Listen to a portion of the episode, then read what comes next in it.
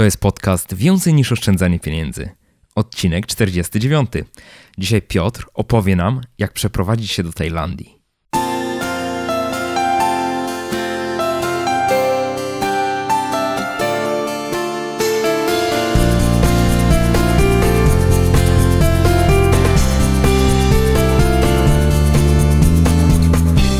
Cześć, dzień dobry. Witam Cię w 49. odcinku podcastu Więcej niż oszczędzanie pieniędzy.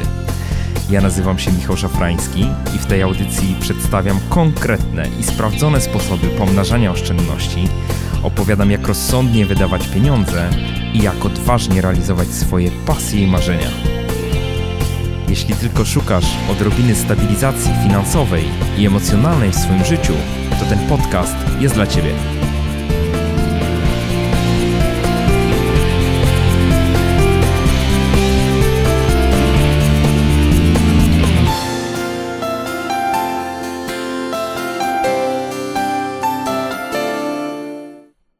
Witam, witam bardzo serdecznie.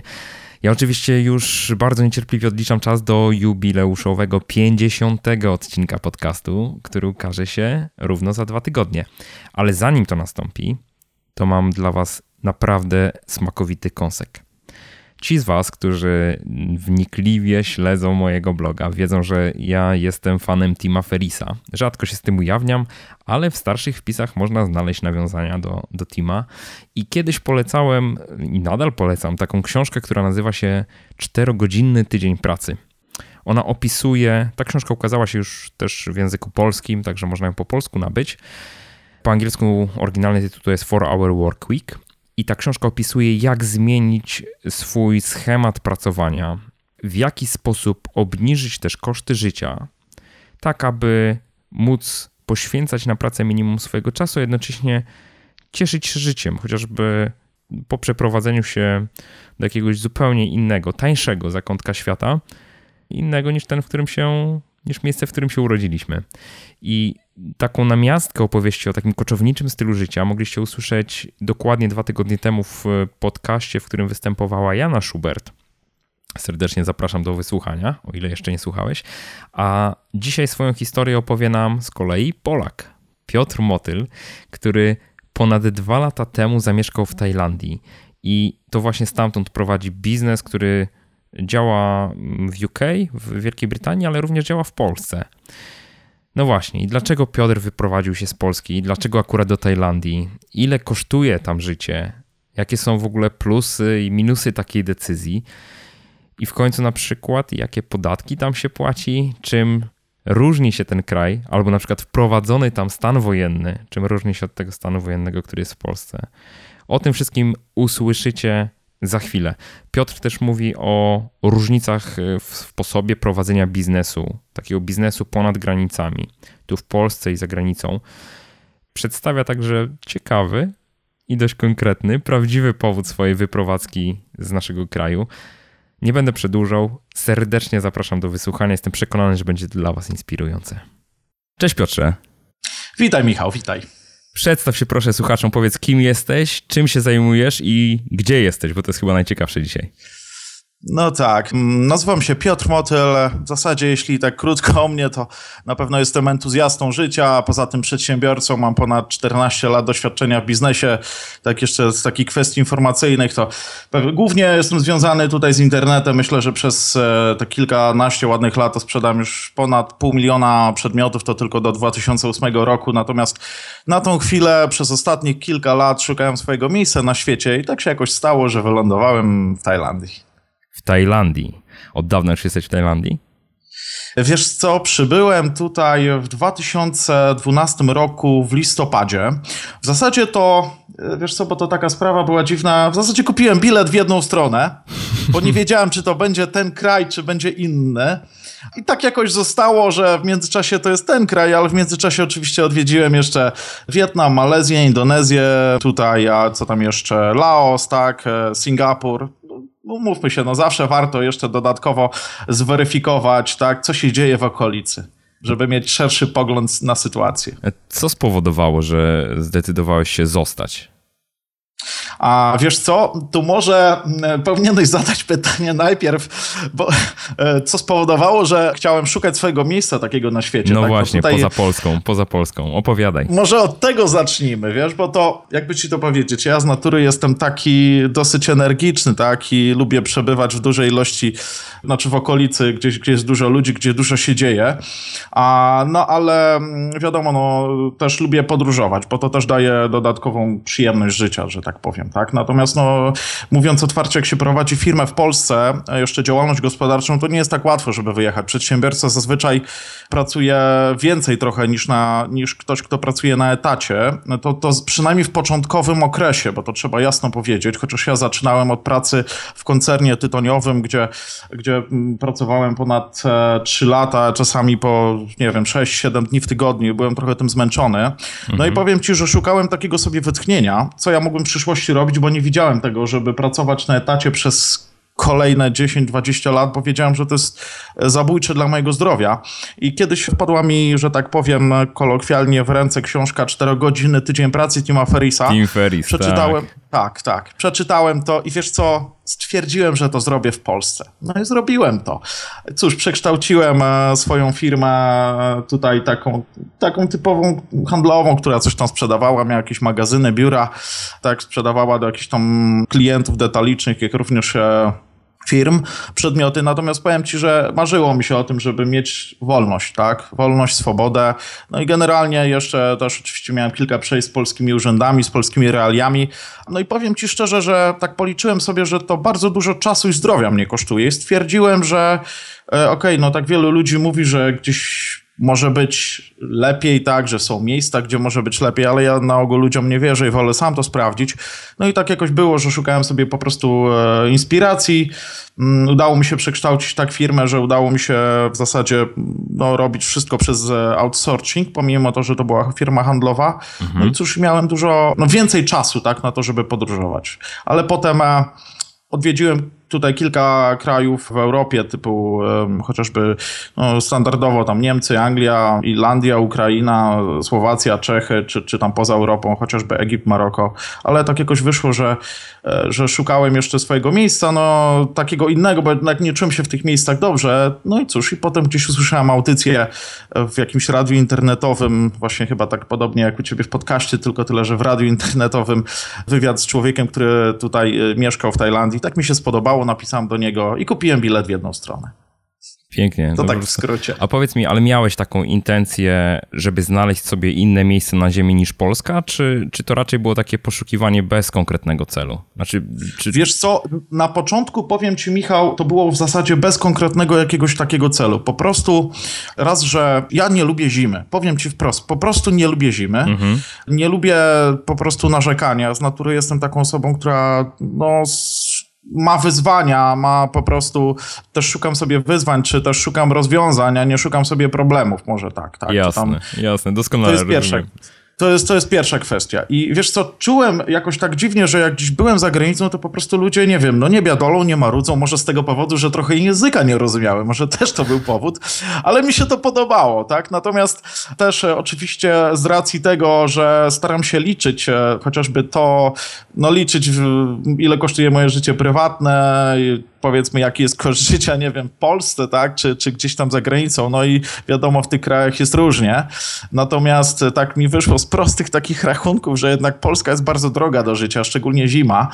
No i tak stwierdziłem, że może jest, gdzieś są jakieś miejsca, które, które, gdzie będzie słońce, niebo, gdzie będę cały czas na wakacjach. No i będzie się jeszcze fajnie, miło, przyjemnie żyło i efektem ubocznym będzie to, że, że będę się czuł, e, że tak powiem, dobrze w tym miejscu. Poruszyłeś ważny aspekt, poruszyłeś aspekt finansowy. Powiedz mi, to może przejdźmy właśnie do tego. Mhm. Jak Tajlandia wygląda na tle Polski, jeżeli chodzi o porównanie kosztów życia właśnie? Tutaj mieszkanie takie rzędu, nie wiem, 40 metrów, umeblowane z basenem, e, powiedzmy w dobrym miejscu, no, blisko centrum. Tak, z siłownią, z dużym basenem, co prawda publicznym, ale bardzo ładnym taki, znaczy publicznym dla tego powiedzmy apartamentowca, to można wynająć nawet poniżej 1000 zł, w tak przeliczeniu na polskie. Mhm. A na przykład paliwo, cena litra benzyny to jest około powiedzmy 3 zł. No teraz trochę złotówka do bata jest e, słaba, więc tam będzie plus minus 10-20 groszy różnicy, ale generalnie takie są ceny. Przejazd taksówką, taksi generalnie za kilometr to jest 50 groszy.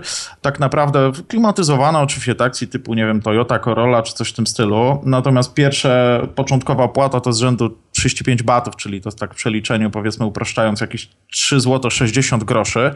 Co by powiedzieć e, teraz tak, no krewetki, to możesz tutaj talerz krewetek z jakimiś kluskami zjeść dosłownie za 5 zł i to nie przesadzam.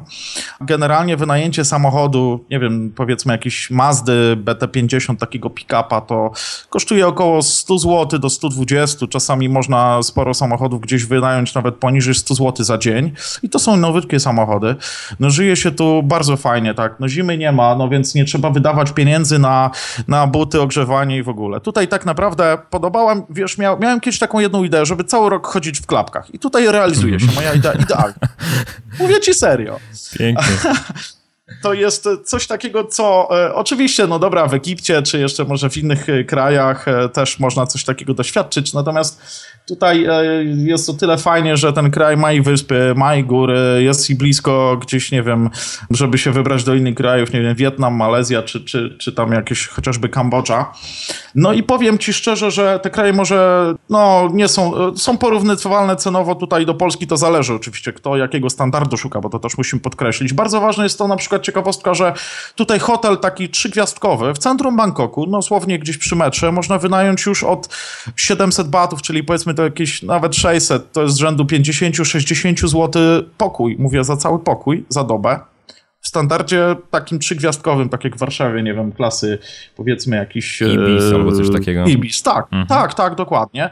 Czyli ja nie wiem, czy w Polsce za tą chwilę da się akademik wynająć na jedną noc, bo tak mi się wydaje, że będzie ciężko.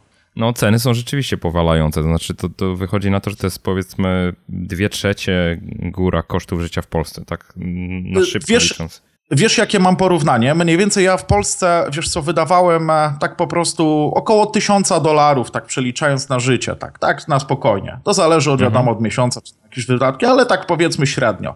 Natomiast tutaj za tysiąc dolarów to masz e, powiedzmy dwukrotnie lepszą jakość życia niż w Polsce. Ja bym mhm. tak powiedział.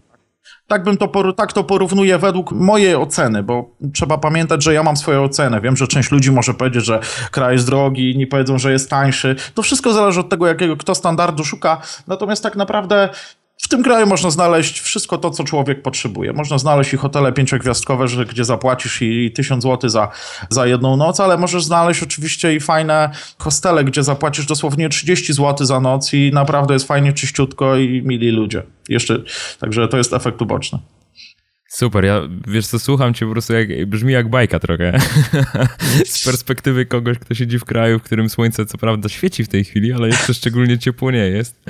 I tak się zastanawiam, ja wrócę jeszcze do tego wątku, o którym mówiłeś, tak, czyli o, do wątku oczywiście. firmy, ale zanim do niego wrócę, to chcę cię zapytać, jak w ogóle twoim zdaniem taki proces dojrzewania do tego wyprowadzenia się z Polski gdzieś w świat, no do Tajlandii w twoim przypadku akurat jak taki proces w ogóle zaplanować, przeprowadzić? Czy, czy, czy ty miałeś, już tak wiesz, zupełnie wprost, czy ty miałeś dużo bagażu ze sobą, czy nie? Czy robiłeś to na raty?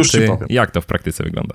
Wiesz co, Michał, przede wszystkim to ja bym zaczął tutaj od idei. Ta idea kiełkuje kilka lat, mi kiełkowała kilka lat. Mhm. E, dodatkowo ona jeszcze była okraszona powiedzmy jakimiś wyzwaniami, naz nazwijmy to z polską biurokracją, gdzie powiedzmy no, to by, no straciłem sporo pieniążków, tak mówiąc otwarcie. Natomiast to, co chciałbym e, właśnie powiedzieć, wiesz, ja podchodzę do wielu kwestii w życiu, może poza tutaj jakimiś emocjami, rodziną i innymi kwestiami, jako po prostu jako ofertę. Patrzę na, na kraj, jaką ofertę mi daje, tak? Czyli mhm. Polska daje mi taką ofertę, Niemcy mi dają taką, Anglia mi daje taką, czyli dostaję to, zyskuję to, tyle muszę wpłacić. Ja wiem, że to jest, ktoś może mnie tutaj powiedzieć, że jestem bardzo mocno wyrachowany.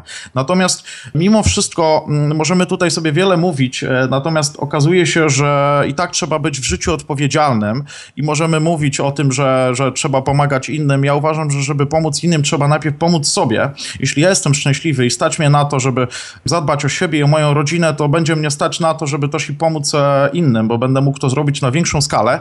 Natomiast przede wszystkim powiem Ci, że popatrzyłem tutaj e, z racji tego, że jestem przedsiębiorcą, chociaż kilka lat, do, no ponad 6 lat pracowałem na etacie w różnych firmach i więc roz, wiem jak to jest, kiedy się pracuje na etacie, kiedy się odchodzi z dużej firmy i ma się dużą pensję. Ty też chyba odszedłeś, prawda? Z dokładnie tak, takiej... dokładnie tak. No Złota właśnie, klatka, nie? W pewnym sensie. Tak, złota klatka. I teraz powiem Ci tak, przeszedłem jako przedsiębiorca, znaczy zacząłem jako przedsiębiorca na własnej działalności, na, no i cóż, i tak naprawdę potem od razu pojawiają się koszty, tak, ZUSy rocznie to, to teraz jest około 12 tysięcy złotych. Tak. Nawet jeśli jesteśmy na podatku liniowym, zarabiamy na przykład 100 tysięcy złotych, czyli podatku liniowego mamy ile tam, te 18 czy 19 tysięcy? Tak. 19. Dokładnie. Do, dołóż do tego ZUS, to jest powiedzmy ile 12 tysięcy, to masz ile 30...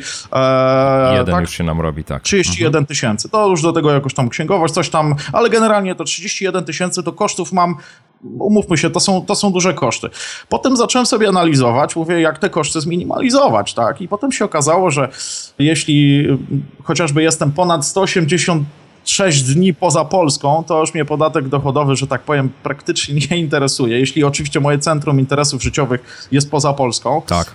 Posiadając firmę w innym kraju, Mhm. To po prostu, no mając klientów w Polsce, tak, zarabiając w różnych walutach, naprawdę, no to mi się pojawiają dodatkowe oszczędności. Na przykład chociażby załóżmy, że tylko uda mi się zoptymalizować dodatkowo te 30 parę tysięcy złotych, które no po prostu wydałbym na, na, na ten ZUS i, i dodatkowo na, na, na te podatki, no to za to tak naprawdę mogę świat objechać dookoła, przynajmniej ze dwa razy. No przynajmniej raz, ale całkiem nieźle. I tak sobie policzyłem, że no mogę połączyć przyjemne z pożytecznym, tak? Zacząłem myśleć po prostu, jak sobie nie wiem, znaleźć taką pracę, czy zorganizować sobie tak firmę, żebym mógł ją prowadzić z dowolnego miejsca na świecie. Miałem po prostu ideę taką, żeby wybrać sobie kraj biznesu, w którym działam, wybrać sobie waluty i kraje, w których zarabiam, tak, wybrać sobie kraj, gdzie chcę mieszkać i gdzie chcę wydawać pieniądze. No i chciałem mieć tyle czasu i pieniędzy, żeby mógł spokojnie zadbać o rodzinę, tak. I to była, to była moja idea. I dopiero do tego dostosowałem rzeczywistość, dopiero do tego dostosowałem, że tak powiem, zbudowałem sobie tak firmę, żeby to realizować moją ideę. No i przyznam szczerze, że wiesz, Tajlandia to był tak naprawdę efekt uboczny, to był już w zasadzie finalizacja tego, gdzie gdzie mógłbym e, jeszcze dodatkowo, że tak powiem, podnieść jakość życia. Tak, żeby te smaczki czerpać e, z życia pełnymi garściami, nie? Wiesz, Michał, chciałbym tylko właśnie powiedzieć, że coraz więcej ludzi na przykład rozumie taką ideę, że zmienia się rynek pracy, możemy pracować tak naprawdę z dowolnego miejsca na świecie, coraz więcej jest takich zawodów i naprawdę można całkiem nieźle zarobić. To jest pierwsza kwestia.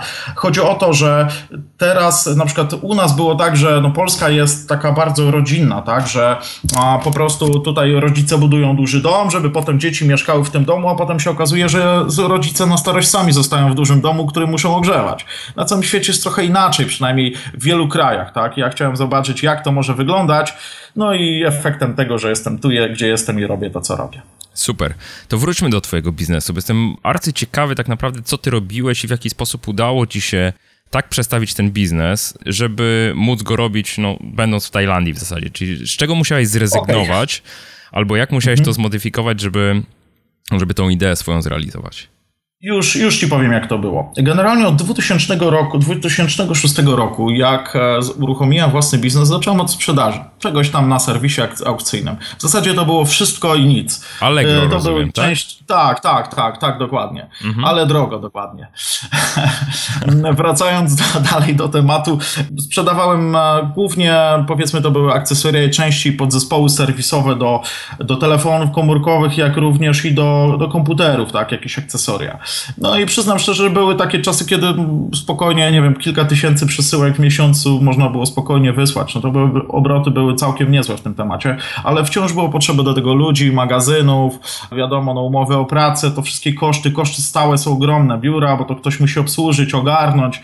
Wtedy jeszcze takich systemów nie było, takich jak są teraz. Nie można było wielu rzeczy outsourcować. Może było można, ale nie wiedziałem, jak to się robi. Potem miałem kilka takich sytuacji, gdzie, kiedy po prostu no, biznes całkiem fajnie idzie, nagle okazuje się, że kilka osób z zespołu chce ci, że tak powiem, ten biznes przejąć. No i, no i nawet im się praktycznie udało, no i wtedy stwierdziłem, że muszę to przeorganizować tak, żeby dało się to po prostu zrobić inaczej, tak? Że e, już mi się nie chciało prowadzić jakichś magazynów, budować tych wszystkich systemów logistycznych, pracować po prostu na jakichś małych takich e, sprawach, tak? I usuwać co chwilę jakieś wąskie gardła, użalać się ciągle gdzieś tam z jakimiś urzędami o to, czy, czy jakiś przedmiot za 10 zł, czy ma jakiś certyfikat, czy nie ma, czy, czy, czy po prostu, nie wiem, jak skupiałem się na imporcie, to musiałem czasami gdzieś na urzędzie celnym podpisywać, nie wiem, jakiś dokument, że e, powiedzmy, czy jak na jakiś przedmiot, który jest pomalowany jakąś tam niebieską farbą przez Chińczyka, czy przypadkiem nie ma w tej farbie ołowiu. No skąd ja mam to wiedzieć? Czy przypadkiem Chińczyk, który nie chciał sobie coś tam wydłużyć, nie wierzył sobie jakichś ciężarków ołowianych tu i tam i to przypadkiem mu nie wpadło do tej farby. No nie wiedziałem tego, powiem ci szczerze, no i zacząłem szukać jakichś alternatyw. E, poczytałem właśnie, właśnie książkę no, 4 godzin tydzień pracy a, i przyznam szczerze, że to była dla mnie inspiracja, bo chodziło tam o mm, przeorganizowanie swojego biznesu. A jak sobie policzyłem, ponad 90% moich klientów to byli klienci jednorazowi, a tylko 10% klientów stali. Koszt ogromny, logistyka do tego ogromna, kiedy zatrudniasz 7-10 ludzi powiedzmy, to trzeba to wszystko obsłużyć. Nie zawsze się to opłacało, nie zawsze udało się to wszystko spiąć, żeby się pojawiał ten zysk na jakimś odpowiednim poziomie, więc stwierdziłem, że muszę to przeorganizować. Wtedy wycelowałem tak naprawdę firmę z 4000 klientów w miesiącu, obsługiwałem ledwo powiedzmy 150-200 po to, żeby zarabiać dwa razy więcej no i okazuje się, że wtedy tak rozbudowana logistyka nie jest ci potrzebna. Wiele rzeczy można zrobić przez outsourcing, czy chociażby nawet sprzedaż, tak, czy chociażby logistykę przede wszystkim, jeśli chodzi o całą realizację wysyłki. No i przeorganizowałem to, zacząłem działać tak dwa lata, potem zauważyłem, że już nie muszę chodzić do biura tak naprawdę. Mhm. Ludzie mogą pracować, pracowałem z nimi tak naprawdę jako partnerami, a nie jako pracownikami. To się fajnie sprawdzało. Było ciężkie to było do wdrożenia na początku, bo nie było takiej wiedzy, kogo zapytać nawet, jak to zrobić, ale cieszę się, bo mi się to udało. No i teraz, wiesz co, w ubiegłym roku, w czerwcu jeszcze w dobrym okresie udało mi się sprzedać e, jedną firmę, jeszcze mi dwie zostały, jedna w Anglii, druga w Polsce. Natomiast większość tak naprawdę swoich aktywów tutaj sprzedałem w Polsce, jeszcze tak naprawdę, powiem Ci szczerze, Miałem w 2010, 2012 roku w styczniu, czyli rok czasu przed wyjazdem, miałem tak naprawdę no, bardzo mocne zachwianie płynności, które się otarło tak naprawdę o, bank, o bankructwo, kiedy musiałem większość wszystkich moich dostawców spłacić z mojego prywatnego majątku. Mhm. No i przeżyłem to dosyć, e, że tak powiem, traumatycznie, kiedy w jednym tygodniu została mi tylko zupka chińska e, w lodówce i tak naprawdę oddałem ostatni chyba, nie wiem, tysiąc chyba złotych tutaj pracownikowi, któremu się dziecko urodziło. No i powiem Ci szczerze, że to był dla mnie klucz, żeby to wszystko trochę inaczej zrobić. No i właśnie Wtedy dwa miesiące później otworzyłem dwie firmy. Przeorganizowałem wiele różnych rzeczy, no i tak stwierdziłem, że już zacząłem sobie tam jakoś powiedzmy zarabiać spokojnie te 2 do 3 tysięcy dolarów miesięcznie. Ja nie musiałem być powiedzmy na miejscu. Stwierdziłem, że teraz czas najwyższy popodróżować, wziąć trochę, że tak powiem, złapać trochę dystansu do świata.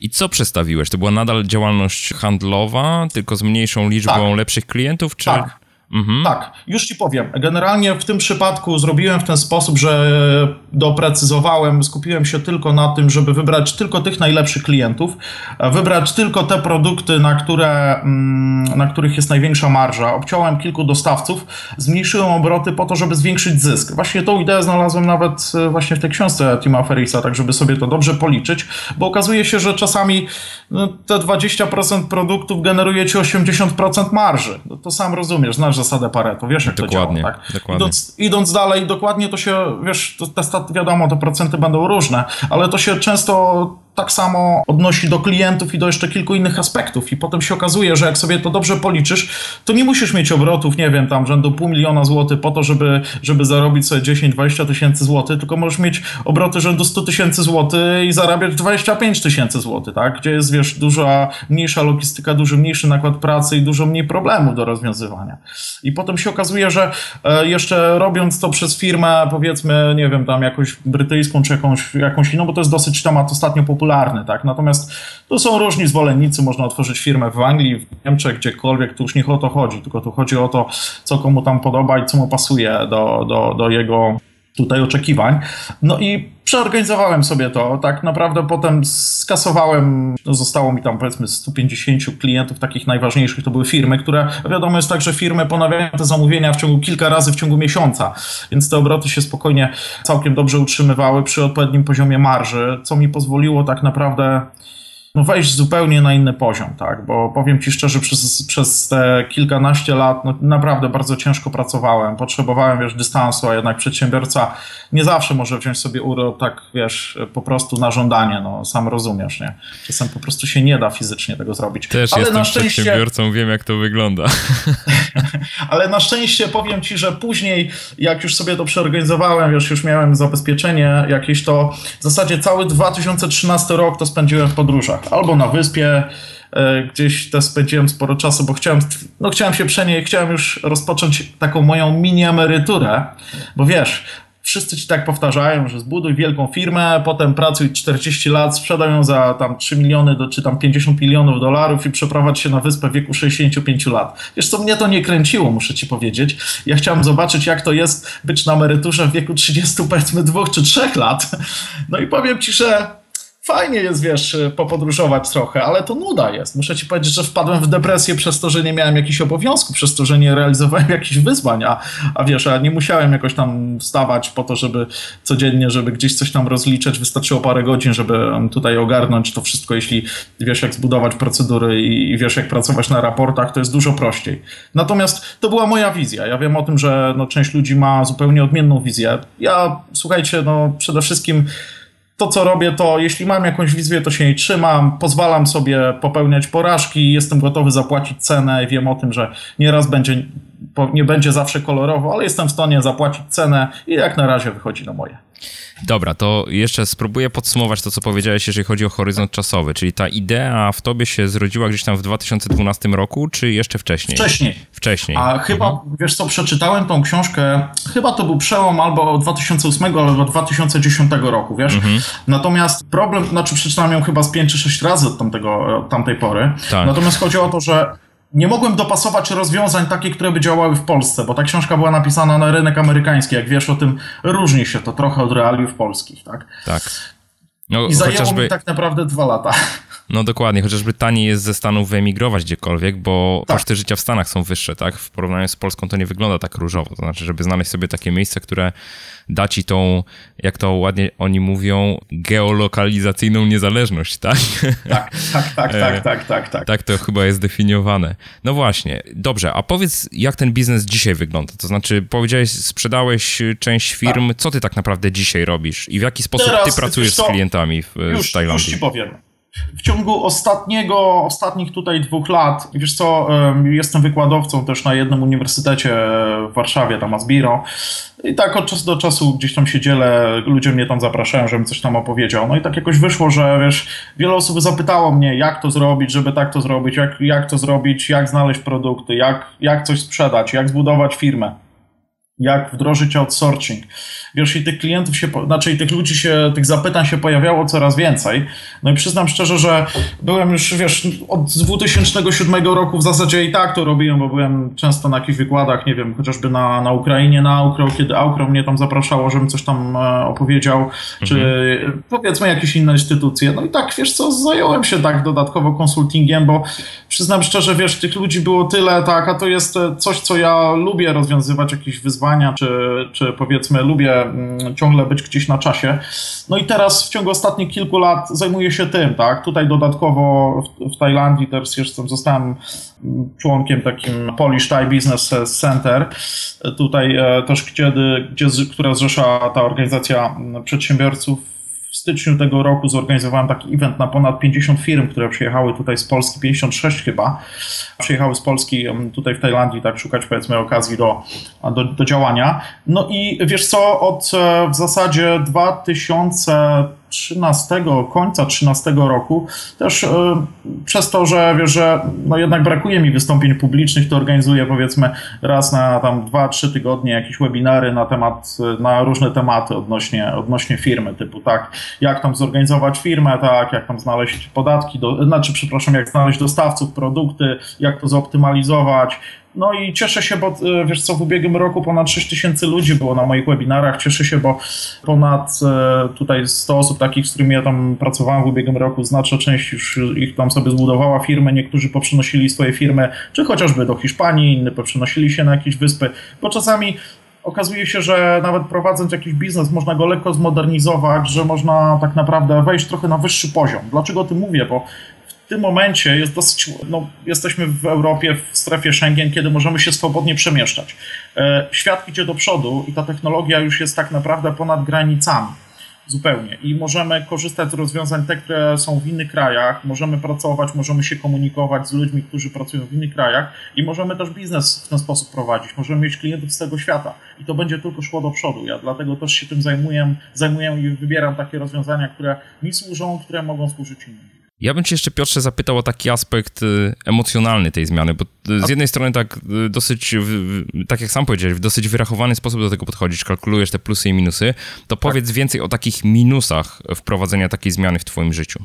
Michał, e, jeśli chodzi tutaj o minusy, przede wszystkim ja staram się tego nie nazywać minusami, tylko jakimiś obszarami do poprawy albo obszarami, w których powinienem jeszcze e, zdobyć jakąś wiedzę, jeśli, jeśli jest to dla mnie to ważne, tak? To jest dla mnie ważne, tak? I teraz e, o co chodzi? Wyjeżdżając za granicę, przede wszystkim takim obszarem do poprawy największym to była moja znajomość angielskiego. W zasadzie żadna. Muszę ci powiedzieć, że wtedy nie potrafiłem praktycznie sobie gramatycznie w miarę poprawnie zamówić McDonalda, nawet w Polsce, co dopiero za granicą.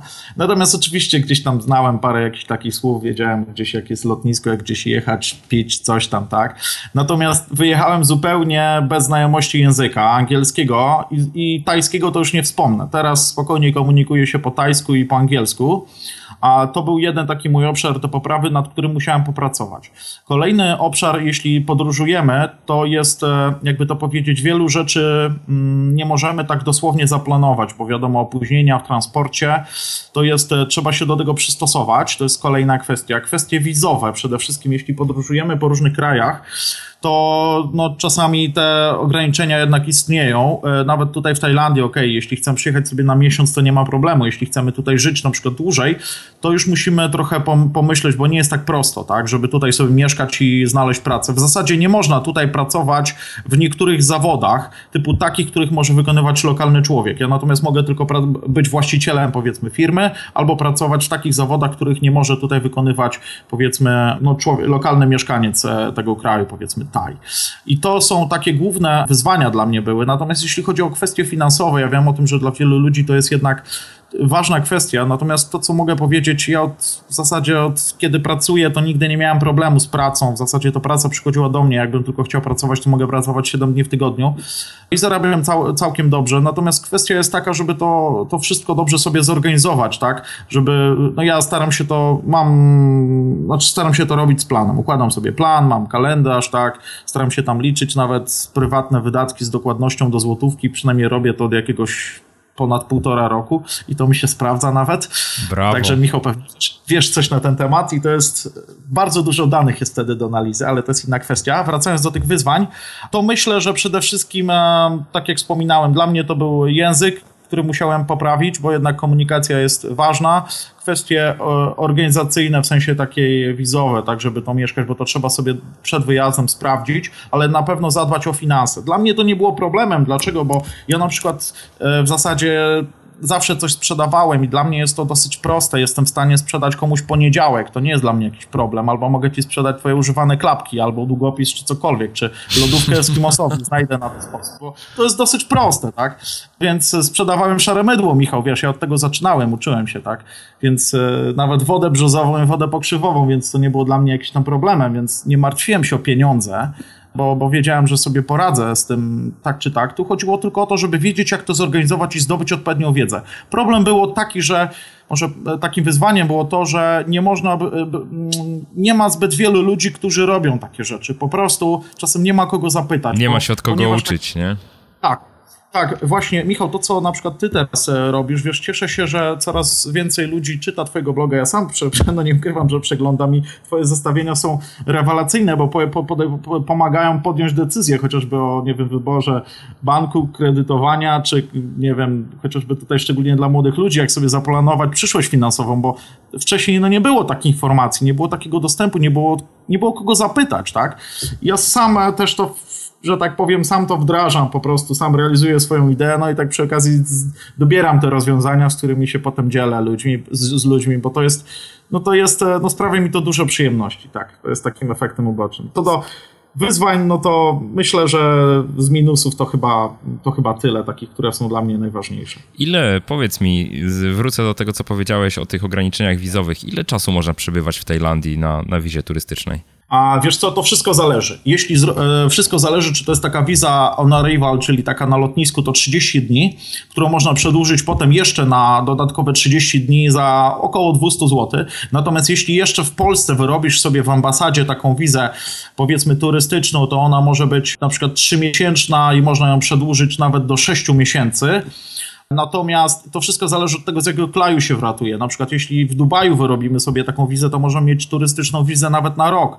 Jeśli e, na przykład na Bali, to na przykład na 9 miesięcy. W Laosie, jeśli z Laosu, to jest na, na powiedzmy na 6 miesięcy. Z Polski chyba na 3 z tego, co pamiętam. Ale najprościej, żeby tutaj mieszkać powiedzmy rok czasu, to jest najprościej przyjechać na kurs językowy. Ja tak zrobiłem. Przyjechałem na kurs językowy angielskiego. Okazuje się, że tu jeden z Polaków, takich, taki Maciek właśnie, którego audycję usłyszałem w radiu, jest właścicielem kilkunastu oddziałów tutaj szkół, no jeden z polskich takich milionerów, no jest chyba jeden z takich najbogatszych ludzi, e, jakich miałem okazję poznać. No i tak w zasadzie chciałem się nauczyć angielskiego i efektem ubocznym było to, że dostałem wizę roczną, też przy okazji gratis, no i, no i to, znaczy w pakiecie, tak, no i to w zasadzie uprościło mocno temat. Super, to rzeczywiście upraszcza. O drugi aspekt cię zapytam, to ile pieniędzy, znaczy tak, powiedziałeś, że jesteś osobą, która nie ma trudności w zarabianiu pieniędzy, ja to doskonale rozumiem, są takie osoby, znam takie osoby, ale powiedz mi, ile pieniędzy miałeś wyjeżdżając, albo ile pieniędzy przygotowałeś sobie wyjeżdżając w tą podróż no, w tamtych rejonach świata i w końcu trafiając już, do Tajlandii? Michał, może cię zaskoczę, ale to e, wiesz, w 2012 roku, tak jak ci wspominałem, miałem małą spadek, taki, no miałem duży, duży spadek e, płynności finansowej. Musiałem po prostu przeorganizować wiele kwestii z prywatnego swojego majątku. Praktycznie sprzedałem wszystko, co się da, żeby pospłacać dostawców, bo wiedziałem, że i tak odbuduję firmę, to już trzeci czy czwarty raz. No i e, wiesz co, byłem zabezpieczony powiedzmy na jakieś pół roku. Rzędu miałem, nie wiem, na koncie powiedzmy takich czystych pieniędzy, których wiedziałem, że one są tam, leżą, rzędu około 20 tysięcy złotych. Natomiast Natomiast wiedziałem, że co miesiąc, czy, nie wsta czy wstanę, czy nie wstanę, to między minimum 1000 do, do 3000 dolarów mi wpłynie, więc tak naprawdę uważałem, że mi to w zupełności wystarczy, tak? Mhm. Do, do tego, żeby działać, tak? I, I okazało się, że się nie pomyliłem, bo te koszty spokojnie za 1000 dolarów można sobie spokojnie całkiem dobrze żyć. Natomiast okazuje się, że wiesz co, teraz po tutaj roku czy dwóch, no to zarabiam zdecydowanie więcej, tak? Kiedyś to, co zarabiałem w miesiąc, to teraz, znaczy to, co zarabiałem w rok, to teraz mogę zarobić w miesiąc, to to zależy, tak? Natomiast po prostu pojawiło się trochę więcej e, możliwości przez to, że mam okazję współpracować z ludźmi z tego świata, no to są, no inaczej to po prostu wygląda.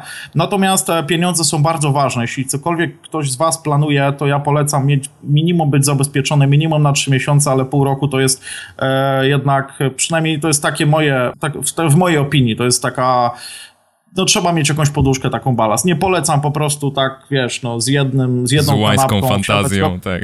Tak, tak, tak. Niestety to się nie sprawdza. Mieszkając gdziekolwiek, e, znaczy podróżując, trzeba jednak mieć dostęp do gotówki. Dlatego ja mam po prostu kilka kont, kilka kart kredytowych, PayPali, tam różnych takich, e, powiedzmy, kont po to, żeby awaryjnie już miałem sytuację takiej, po prostu mieć dostęp do gotówki, bo jednak to jest, e, to jest potrzebne. Mi to daje dużo swobody, ja godzę się na to, tak? Natomiast ciekawostka jest taka, że e, znam takie osoby, które podróżują rodzinami, tak? I to nie jest jakiś ten, że to jest powiedzmy dla singli, tak? No ja teraz akurat mam dziewczynę, to nie jest to dla mnie jakiś tam problem, podróżujemy sobie tam razem, ale chodzi o to, że też spotkałem e, ludzi, którzy no, podróżują z rodziną. Jest na przykład, mieszka na wyspie tutaj lokalnej taki Maciek, który prowadzi bloga bloga Skok w Bok blog, nie wiem czy znasz może. Nie kojarzę, e, ale sobie zanotuję. Skok w Bok blog, tak? Blog. Tak, on zdobył tam jakieś parę nagród w kategorii blogów podróżniczych chyba w ubiegłym, czy dwa lata temu. Wiesz co, jego żona jest z Indii, poznał swoją żonę z Indii, ma, w Indiach ma teraz dziecko tutaj, sam mieszka gdzieś na wyspie, sporo podróżował, sporo świata zwiedził. Fajny człowiek, naprawdę, miałem okazję go poznać. I też no, jest wielu ludzi, którzy podróżuje sobie z rodziną, ale przede wszystkim ważne jest to, żeby mieć taki pomysł na życie i no, nie bać się spróbować, bo potem okazuje się, że jednak e, nasze polskie realia trochę takie zmuszają do, wielu ludzi do realizowania takiego Polish Dream, czyli zaraz po 20 pierwsze co to znaleźć sobie dziewczynę chłopaka, potem wziąć szybki ślub, znaleźć sobie pracę, potem wyrobić sobie największą zdolność kredytową, jaką możemy wziąć i potem wziąć kredyt największy, jaki nam się uda, żeby kupić największy dom, jaki nam się uda i potem 40 lat wegetować.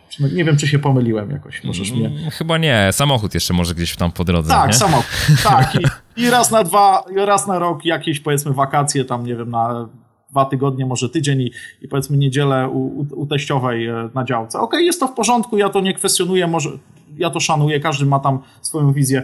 Ja po prostu byłem gotowy na to, że będę realizował to, co jest dla mnie ważne i chciałem sprawdzić, jak to będzie na tej emeryturze, tylko że w wieku 30 parę lat. No właśnie, i tu dochodzimy do takiego kluczowego pytania, które chciałem ci zadać w zasadzie od samego początku, czyli poruszyć jednak ten aspekt taki emocjonalny i zapytać cię wprost, czy ty planujesz wracać do Polski, czy coś sobie tutaj jeszcze zostawiłeś, czy jakieś więzi masz, czy, czy traktujesz już ten swój pobyt w Tajlandii, czy w innym kraju po prostu jako coś docelowego? Michał, może cię zaskoczę. Powiem ci, że bardzo wielu znajomych mnie tutaj odwiedza lokalnie. W ubiegłym roku to myślę, że to było około 100 osób, a w tym roku już ponad 50. Ja cię kręcę, no to rzeczywiście ruch masz. To mnie tylu znajomych absolutnie nie odwiedza w, w Warszawie. Nie mówię serio. Mam na to dowody w postaci Super. wideo, filmów i, i, nawet potwierdzonych pieczątek w paszportach. A generalnie wiesz, jak będę miał tam wideo z tego ostatniego tutaj e, takiego przyjazdu, gdzie było mnie ponad 50 osób takich, no tutaj też e, odwiedziło mnie, to ci podeślę. Natomiast wracając dalej do tematu. Kontakt z rodziną mam. Mam nawet teraz częściej rozmawiam z moją mamą, powiedzmy z rodziną niż wcześniej, mimo to, że mhm. kiedyś mieszkałem bliżej, bo pochodzę spod Lublina, a moja rodzina mieszka gdzieś pod, pod Świdnikiem. To jest taki miast, nowy taki port, tam helikoptery kiedyś produkowano, nie wiem czy kojarzysz. Wiem, wiem, wiem, PZT. A, Słuchaj, a większość telefonów, pol, znaczy e, telefon polski mam przekierowany na, na Skype'a i jak zadzwonisz nawet teraz do mnie na mój numer stacjonarny, to będziesz ze mną za darmo rozmawiał, po prostu, mm -hmm. to jest pierwsza kwestia. E, ja też nie ukrywam, że będę za darmo rozmawiał i jakoś myślę, że będzie nawet lepsze jak na Skype'ie. Powiem ci, że tygodniowo no, utrzymuję kontakt z kilkoma moimi tymi przyjaciółmi, którzy no, których po prostu mam, tak? No, teraz właśnie planuję w tym roku gdzieś tam wrócić do Polski, gdzieś sam na wakacje, a potem oni przyjeżdżają tutaj gdzieś w okolicy listopada do mnie na wakacje, żeby im trochę pokazać. E, generalnie powiem Ci tak, ja jestem Polakiem, czuję się Polakiem i powiem Ci szczerze i cieszę się nawet, że z jednej strony jestem Polakiem, bo no my jesteśmy nauczeni radzić sobie w życiu mimo wszystko, jeśli ktoś oczywiście chce, oczywiście tam jest, są inne kwestie, tam wiadolenie, narzekanie to jest inna kwestia, ja staram się o tym nie mówić. Natomiast powiem Ci, że na tą chwilę, odpowiadając na Twoje pytanie, myślę, że coraz mniej powodów znajduję ku temu, żeby wracać do kraju na stałe, powiedzmy w innym celu niż jako turysta. Z czym mhm. to jest spowodowane? Pierwsze co, na pewno pomysł, e, powody finansowe, biznesowe.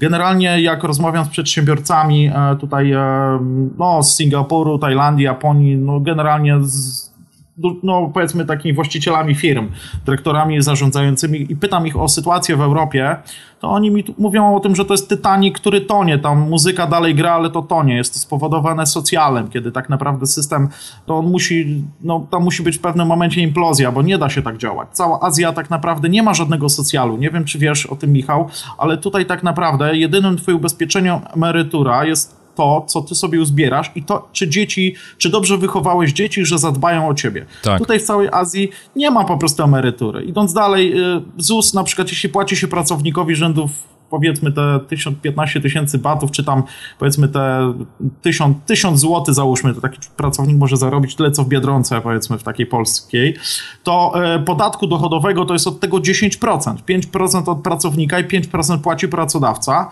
To jest tyle i to jest tak naprawdę cały, tam plus socjal jest chyba 70 zł, tak? Tyle, że jakby tam na skuterze ktoś jechał do pracy, to żeby miał na bandaże. Generalnie podatek VAT to jest 7%. No i y, powiem ci, a szpitale wyglądają jak pięciogwiazdkowe hotele. Ja tam byłem ostatnio, gdzieś to bałem się, że ja tam nabrudzę po prostu, no powiem szczerze. Przynajmniej tutaj, no byłem zaskoczony, bo mnie znajomi pytają, jak to jest w praktyce, ale oczywiście za wszystko się płaci, tak? Usługa kosztuje, za wszystko się płaci, ale ostatnio gdzieś byłem, no to od momentu wejścia do, do szpitala, no to w ciągu 40 minut byłem u trzech specjalistów i jeszcze dostałem siatkę leków, tak? Powiedzmy za darmo, bo mam dobre ubezpieczenie, tak? No bo, bo jednak mam z, z, też korzystam e, tutaj z ubezpieczenia dodatkowego. Natomiast chodzi o to, że e, coraz mniej powodów po prostu Michał znajduje. Ja szanuję, rozumiem, okej, okay, no każdy wybiera, ja tego nie mogę kwestionować. Ja po prostu na tą chwilę, od razu mówię, na tą chwilę po prostu mam inne postrzeganie. Nie, niewykluczone, że to się w przyszłości nie zmieni i kto wie, może kiedyś wrócę do Polski, na, to, na tą chwilę coraz mniej powodów znajduję, żeby tam wracać. Chyba zaczynam cię doskonale rozumieć. Jak słucham po prostu o tym, y, jakie korzyści wynikają, no chociażby te biznesowe stricte, czy z prowadzenia własnej firmy i tak dalej, no to, to, jest, no to jest zupełnie inny świat. A jeszcze z ciekawości cię zapytam o, o twoją firmę, bo wiem, że to jest twój konik, ale na ile trudno jest otworzyć firmę w Tajlandii? Ja mam dwóch przyjaciół, którzy tutaj uruchomili, ja też przymierzam się do uruchomienia firmy. Ten proces jest trochę bardziej skomplikowany z tego względu, że tu są ogromne restrykcje, jeśli chodzi o otworzenie firmy w, w Tajlandii. Po pierwsze, mianowicie jest tak, że przy takiej zwykłej tajskiej firmie my nie możemy być właścicielami więcej jak, jak 49% udziałów. To jest pierwsza kwestia. Mhm. A przy takiej standardowej firmie. Można otworzyć taką firmę inwestycyjną, która ma do zrealizowania jakiś projekt finansowy, nie wiem, ma do zainwestowania na przykład 100, 200, 300 tysięcy złotych tutaj i wtedy możemy być stuprocentowym udziałowcem. Cały proces trwa około 40 paru dni roboczych, z tego względu, że no jest to warowane, trochę więcej jest e, tych takich restrykcji, ale co jest plusem tego? Plusem jest taki, że dostajesz 7 lat zwolnienia z podatków, poza tym e, możesz na przykład maksymalnie dostać, bo to zależy od regionu, jaka branża i w ogóle, ale generalnie chodzi o to, że wtedy znikają problemy wizowe, Kolejna kwestia, cała księgowość, tak naprawdę to tu, e, znaczy pomoc państwa jest taka, nie wiem jak ci to powiedzieć, idzie się tutaj do urzędu, to po prostu człowiek jest traktowany e, naprawdę, ja się czuję rewelacyjnie tam, tak? Mimo to, że czasami muszę jakieś dokumenty udostępnić, znaczy, że tak powiem, donieść jakieś, czy czegoś tam nie rozumiem, jakieś procedury, to i tak mimo wszystko jest ogromny szacunek przede wszystkim i e, tutaj no nie ma takich incydentów, że przedsiębiorców się gdzieś do więzienia, powiedzmy, zamyka, czy się tam ich znęca, czy molestuje. Tutaj Urząd Skarbowy tak naprawdę to jest po prostu instytucja i większość tajów to nawet nie wie, gdzie ich jest Urząd Skarbowy. Szczerze ci powiem, oni nawet nie wiedzą, gdzie jest ich Urząd Skarbowy. To jest pierwsza kwestia. Poza tym tutaj nie ma kas fiskalnych. Po prostu e, tu jest, działa tak, że wiele z tych biznesów e, po prostu są nawet nierejestrowane w wielu przypadkach. Oczywiście te sklepy sieciowe to jest inna kwestia. Natomiast e, wygląda to tak, że tu każdy ma zadbać o siebie. A bezrobocie jest poniżej 1%, Michał. Nie wiem, czy zdajesz sobie z tego sprawę. Nie po mam zielonego pojęcia. To sprawdź sobie statystyki. Okej, okay, tam teoretycznie mówią, że korupcja i cała reszta i ten, ale powiem ci tyle. I poza tym jest teraz u mnie stan wojenny. Chcę ci powiedzieć, że od ubiegłego roku, od czerwca bodajże, wiesz jak wygląda stan wojenny tutaj, jak, od czego się zaczął? Tak ci powiem w trzech zdaniach. Dawaj, śmiało, Słuchaj. bo to jest bardzo ciekawe, dawaj. No to ci opowiem. Wyobraź sobie, że tutaj standardowo politycy się nie mogli dogadać przez ponad 60 parę, e, przepraszam, przez ponad 6 miesięcy nie mogli się tam dogadać w sprawie ceny ryżu. No wiadomo, już prawie doszło do wojny domowej między jednymi, jedną a drugą partią, taką rządzącą standardowo. Więc e, król tutaj jeszcze zadbał kilkadziesiąt lat temu, że jeśli polityka się nie zgadza, to wojsko ma prawo skasować całą politykę w ciągu jednego dnia i po prostu wprowadza rząd wojskowy. I teraz jak to wyglądało? Jednym dekretem, a po prostu skasowano całą politykę, zebrano wszystkich e, przywódców partii i do, że tak powiem, do baraku na poligon dostali informacje, tylko przywódców. Jak się dogadają, to ich wypuszczą. A przez dwa lata nie będzie żadnej polityki i wszyscy ludzie szczęśliwi. 70 mają e, tak naprawdę 70% poparcia ludności. Ja, jestem, ja mam więcej wolności w czasie tutaj stanu wojennego, tak. Czas demokracji, więc wiesz, ale tu nie jest taki stan wojenny jak w Polsce, że czołgi wjeżdżają. Tu jest normalnie, po prostu wojsko się opiekuje ludźmi, a polityka, po prostu nie ma polityki, nie ma żadnej polityki w telewizjach, nie ma żadnych informacji politycznych. Nikomu to nie jest potrzebne. Urzędy działają jak działają, tylko że w każdym urzędzie nadrzewuje po prostu wojskowy, który ma tam 20 lat, powiedzmy, czy 10 lat doświadczenia, że po prostu, no wiadomo, no człowiek już chodzi tutaj o to, żeby, żeby tam nie było jakichś e, politykowania. Wszystko działa fajnie, ludzie zadowoleni, kraj się rozwija, Ja powiem ci szczerze, z przyjemnością, jak mam płacić jakieś tam 7 czy tam 10%, no 7% VAT-u czy coś tam, to z przyjemnością jestem w stanie to przelać. To nie jest to żaden jakiś wyczyn. Naprawdę powiem ci, wiesz, no jest wiele takich kwestii w mojej ocenie, które trzeba pamiętać, że to jest moja ocena, e, są bardzo pozytywne. Mi jest polityka do, polityka do niczego niepotrzebna, powiem ci szczerze. Ja, tu jest zasada taka, rób sobie wszystko, co chcesz, sprzedawaj, co chcesz, nie mieszaj się do polityki. Tyle. Mhm. Super. A ty swoją firmę masz w UK w tej chwili, rozumiem? Tak, jedną w UK, jedną jeszcze w Polsce spółkę ZO. Mhm. Ale planuję w tym roku uruchomić tutaj e, w Tajlandii taką właśnie spółkę BOI, czyli to jest Board on Investment, taką inwestycyjną. To jest e, tutaj kilku moich przyjaciół ma i po dwóch latach widzę, że to ma sens. Super, musimy kiedyś porozmawiać jeszcze na temat, e, na tematy związane z prowadzeniem firmy w UK, bo to jest na pewno coś, co interesuje. No, ja z tego co widzę, coraz większą liczbę osób w Polsce, coraz większa liczba przedsiębiorców jest po prostu tym zainteresowana. No, ale to myślę, że doskonale o tym wiesz. Dobrze, to ja jeszcze, jeszcze dwa takie filozoficzne pytania. Mhm. Albo jedno filozoficzne, a jedno precyzyjne. To filozoficzne może zacznę w ten sposób. Dokonałeś pewnej gruntownej zmiany w swoim życiu. Takiej zmiany, która, no, o której pewnie gdybyś wcześniej usłyszał, no to byś pomyślał, popukałbyś się w głowę i byś powiedział, nie wyobrażam sobie siebie w tym miejscu, tak? tak. Za 10 lat na przykład. Czyli gdzieś tam tkwiłeś w tym, co robiłeś, no to sam powiedziałeś, ta złota klatka, najpierw ta złota klatka korporacji, później jako przedsiębiorca, który po prostu wypruwa sobie flaki i pracuje tak. po kilkanaście godzin dziennie, żeby tylko ten biznes szedł do przodu, nie? I teraz ja się zastanawiam, no dzisiaj można powiedzieć zrealizowałeś no pewną bardzo istotną zmianę w swoim życiu, przemodelowałeś je, ale ja się zastanawiam, czy taka zmiana jest rzeczywiście w zasięgu każdej osoby, która może słuchać tego podcastu. I sądzę niestety, że chyba nie. I tak się zastanawiam, jaki zestaw cech czy predyspozycji trzeba mieć, żeby no, taką zmianę w swoim życiu wprowadzić. Czy to zawsze musi być tak, że związane jest to z jakimś, nie wiem, traumatycznym wydarzeniem, tak jak u ciebie, że, że po prostu twoja mhm. firma w zasadzie no, splajtowała, tak? Musiałeś spłacić e, swoich kontrahentów. Jak ci się wydaje? Mówię, z perspektywy takiej osoby, no, która taką zmianę w swoim życiu wprowadziła. Wiesz, Michał, dobre pytanie. A propos, ważna kwestia. Kiedyś byłem na wykładzie u takiego jednego z polskich takich e, no, milionerów, jak nie miliarderów, taki Ted Witkowicz. Mhm. I on powiedział jedną bardzo ważną kwestię, że tutaj osobowość w ogóle człowieka, takiego przedsiębiorczego, to jest naj, najważniejsze. Ktoś, kto chce uruchomić firmę, to no, musi mieć odpowiednią osobowość. Tą osobowość można sobie wyrobić. Ja sam przeszedłem z etatu, a po prostu jak i stałem się przedsiębiorcą, chociaż u mnie nikt w rodzinie praktycznie nie prowadził firmy, może wujek w dalszej gdzieś rodzinie, ale nie miałem z nim bezpośrednio kontaktu i musiałem się wszystkiego tego nauczyć. Ale to się stało z tego powodu, że byłem gotowy zapłacić cenę po prostu chciałem się tego nauczyć, powiedziałem, że okej, okay, że, że to zrobię, że tego się nauczę, znajdę ludzi, że poświęcę swój czas prywatny i nieraz bywało tak, że i w sobotę i w niedzielę pracowałem, uczyłem, czytałem książki, popełniałem błędy, tak, wydawałem pieniądze, taki sposób na, na życie, jaki ja na przykład teraz mam i jaki ja e, preferuję, na pewno nie jest dla wszystkich, ale dla tych, którzy są skłonni zapłacić cenę, i to nie mówię o cenie czysto finansowej, ale cenę zainwestowania czasu, żeby wyrobić w sobie odpowiednie nawyki,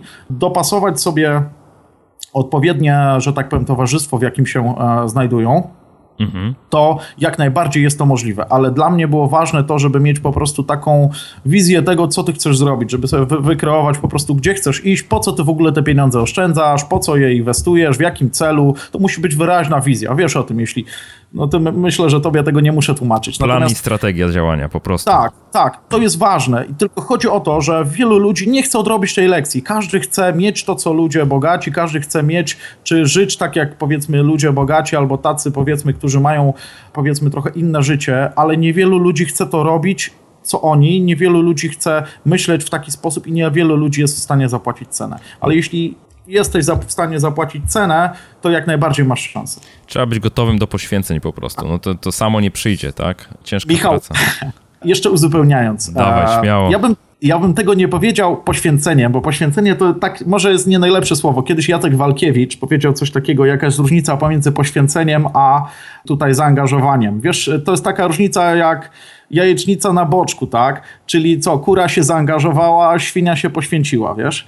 I ja bym się nie dobre, bardzo dobry, chciał bardzo poświęcać, ale zaangażo zaangażowanie jest czymś innym. I y, ja jednak wolę się zaangażować w jakiś temat i szukam ludzi takich, którzy są zaangażowani i cieszę się, bo udaje mi się coraz więcej znaleźć takich e, współpracowników, bo ja lubię pracować z ludźmi na zasadzie współpracowników, tak? No okej, okay, no pracowałem jako, e, że, że, tak powiem, sam jako pracownik, wiem czego taki człowiek może oczekiwać, ale zdecydowanie lepiej mi się pracuje z ludźmi, jeśli traktuję ich jako, współpracownik, jako współpracowników, i lubię takich, którzy są zaangażowani. Nie tacy, którzy się poświęcają, tylko tacy, którzy są zaangażowani. Nie, nie, ja jakby poświęcenie w innym znaczeniu używałem. To znaczy, być może trzeba coś poświęcić po to, żeby móc zrealizować swoje, swój cel, dlatego że nie da się robić wszystkiego. I teraz to jest też tak, że wiesz, jak pracujemy na etacie, ok, co poświęcamy ko, znaczy kosztem czego to robimy, tak? Na przykład, nie? No kosztem, nie wiem, 8 godzin czy, czy 10 godzin, które na etacie poświęcamy. Poświęcamy de facto czas, nie? Tak. tak.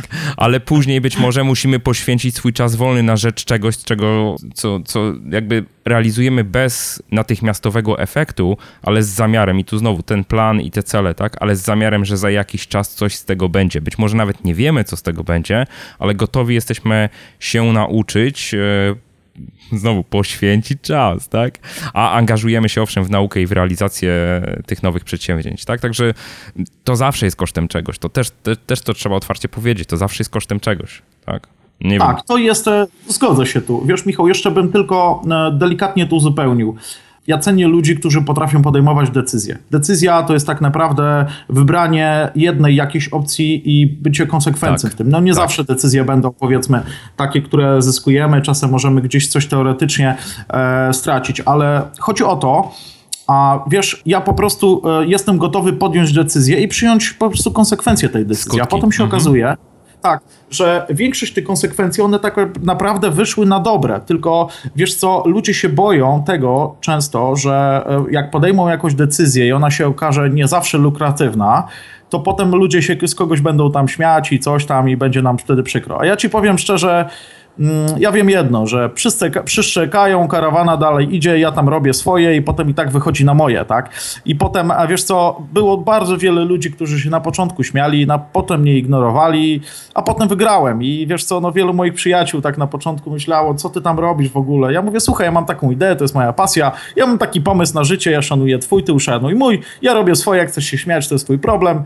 No cóż, a teraz czasem wysyłam im e, pocztówki po prostu, czy, czy zdjęcia jakieś z Facebooka. No ale cieszę się, bo mogę ich przynajmniej teraz zaprosić gdzieś na jakąś, nie wiem, powiedzmy na, na jakąś podróż na, na, na wyspę, czy, e, czy, czy pomóc im gdzieś od czasu do czasu się nawet tutaj no nie wiem, ogarnąć tak w innych tematach, także tak, mam tak. dużo satysfakcji. To jest, to też mi się przypomina coś takiego, że takie stwierdzenie, wiesz, no co to są rzeczy niemożliwe, nie? Co, co to jest rzecz niemożliwa? No niemożliwe to jest, to jest ta rzecz, której jeszcze nikt nie zrobił, ale jak ktoś już to zrobi, no to później się okazuje, że w zasadzie wiele osób jakby dogania, tak? Bo też widzi, że jest ten pozytywny przykład. I ja się cieszę, że ty takim przykładem jesteś, bo naprawdę jakby szykowałem się do tej rozmowy i czekałem na to, byłem bardzo ciekawy tego, co powiesz.